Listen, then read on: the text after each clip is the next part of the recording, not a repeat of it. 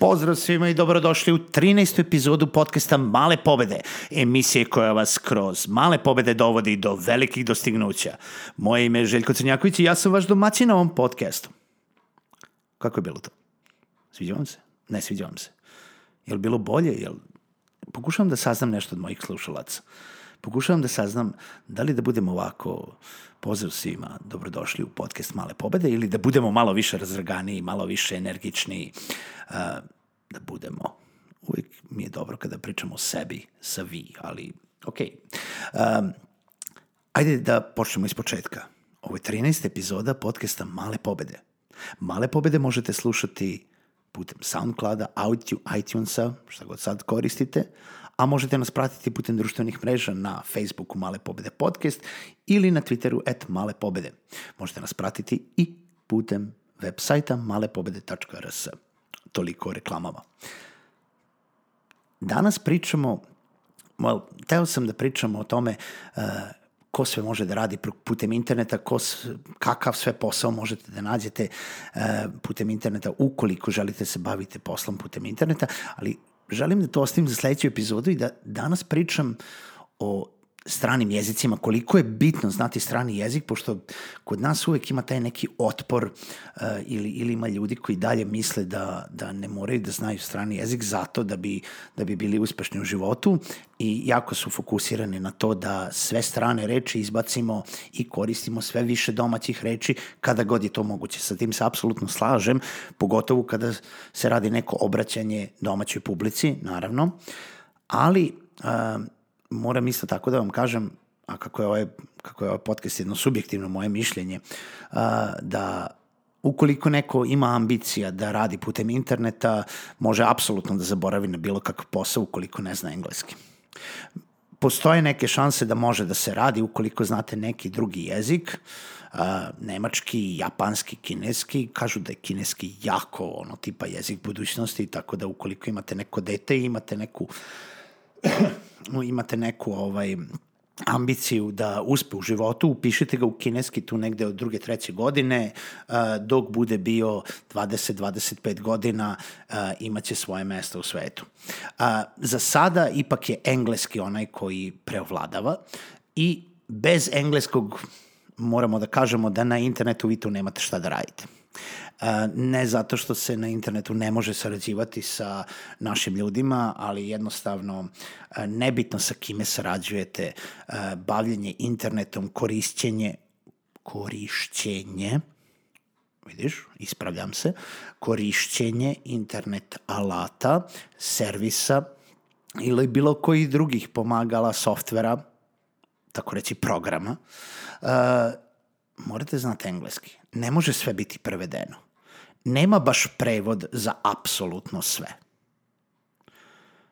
Tako da nije tako jako velika, it's not a big deal ako neko počne da priča i koristi neke engleske reči, it's not a big deal ako mu te engleske reči upadaju u srpski jezik, barem nije toliko velik problem u današnje vreme. Ne bi trebalo.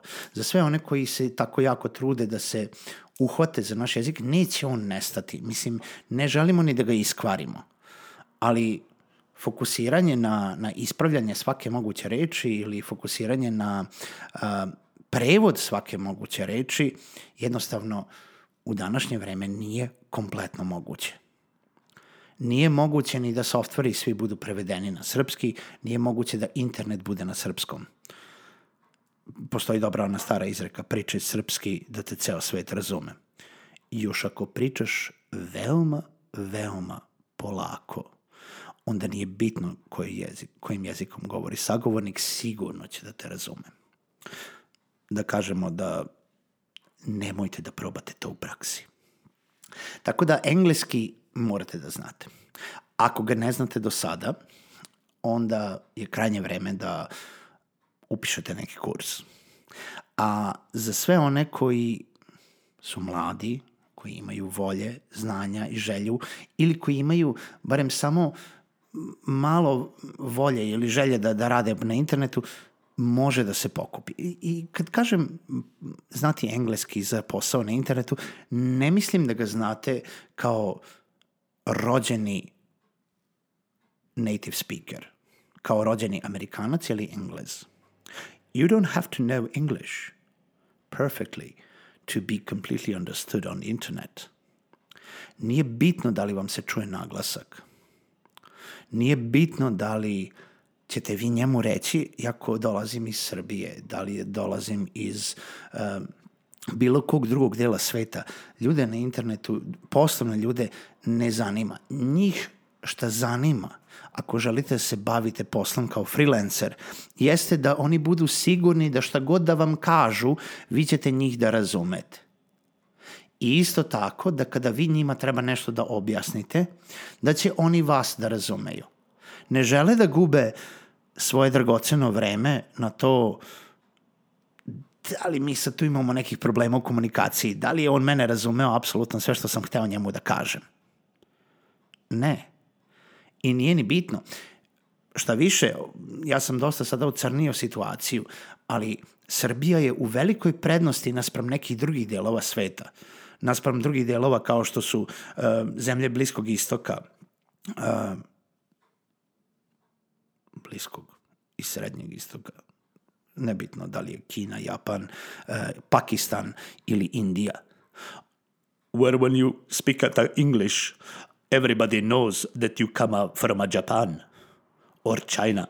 Hi. So, kada pričamo o, o našim ljudima koji, koji rade na internetu, što više e, stranci veoma često biraju naše ljude baš zbog znanja engleskog jezika. Nemojte da budete jedan od onih koji ne može da radi na internetu samo zato što ima otpor prema tome. Nije problem ako ne znate. Nije problem ako ne znate jer sve se može naučiti. Engleski jezik danas kod nas je nešto što se najlakše može naučiti i nije tako jako teško. Imate kurseve, imate gomilu stranih kanala, imate gomilu engleskog sadržaja na internetu, ako se već nalazite na internetu, koji možete da poslušate i koji možete da počnete da učite. Izdvojio bi primer jednog prijatelja jednog jako dobrog prijatelja, koji pre tri godine, njegovim rečima, nije znao da bekne engleski. Danas se razbija od posla na internetu u najmanju uh, ruku, uh, u najmanjem smislu te reči, a da provodi većinu svog vremena u toku dana ne radeći onaj kvalitetni deo posla što radi, jer to radi izuzetno kvalitetno i zato radi verovatno više od 15 sati na dan zato da bi postigao sve to, ali jedan dobar deo dana on provodi pisajući mailove koji mu, za koji mu treba, pa, ja mislim, jedno deset puta više vremena nego pet drugih ljudi oko njega, samo zato što koristi sve moguće alate koji su mu na raspolaganju. Nebitno da li su Google Translate ili uh, je neko znanje uh, engleskog jezika koje vuče i sklapa rečenice iz, iz malog mozga ili pita nekoga oko sebe, ali jednostavno ulaže vreme da pokuša da do najmanje granice, to je naj, najsitnijeg detalja, objasni ono što želi da objasni klijentima i nije problem što ima grešaka. Nije problem što ima grešaka. Bitno je da je poruka prenesena i da je ono što je čovek teo da kaže razumeno. To je, vidiš, Ja ponekad brže razmišljam na engleskom nego na srpskom, e to je nešto što sam povukao iz detinjstva. A, znači da je se poruka razumela. Izvinjavam se. Izvinjavam se ako sam takođe tokom ove, ove epizode možda nekome rekao nešto što ne želi da čuje ili mislite da je moje mišljenje veoma um, ekstremno u smislu um, u smislu, za, neću ni da kažem zapostavljanja. Ja ne zapostavljam uh, srpski jezik. Zapostavljam ga možda radi sebe uh, i trebalo bi da radim više na tome, ali se veoma trudim da kada radim sadržaj koji je namenjen za domaće tržište, da sve to bude upakovano lepo i kompletno na srpskom. I onda dolazim do e, ljudi koji mi kažu, a sad da li bi mogao samo malo da preneseš i da izbaciš onu jednu englesku reč koju si rekao, tu je negde na početku si rekao well, a to, zašto? Zašto kvariti? Pa zato što mi je to prvo palo na pamet. A nije vam ništa značilo da saznate od ono što sam želeo da kažem. Mala pobeda za danas jeste da učite strane jezike, nebitno da li je engleski, nemački, španski, kineski ili japanski, da gajite što više jezika znate, toliko više vredite i ukoliko želite da se bavite nečim na internetu, molim vas da unapređujete sami sebe. Slušamo se u sledećoj epizodi, toliko od mene.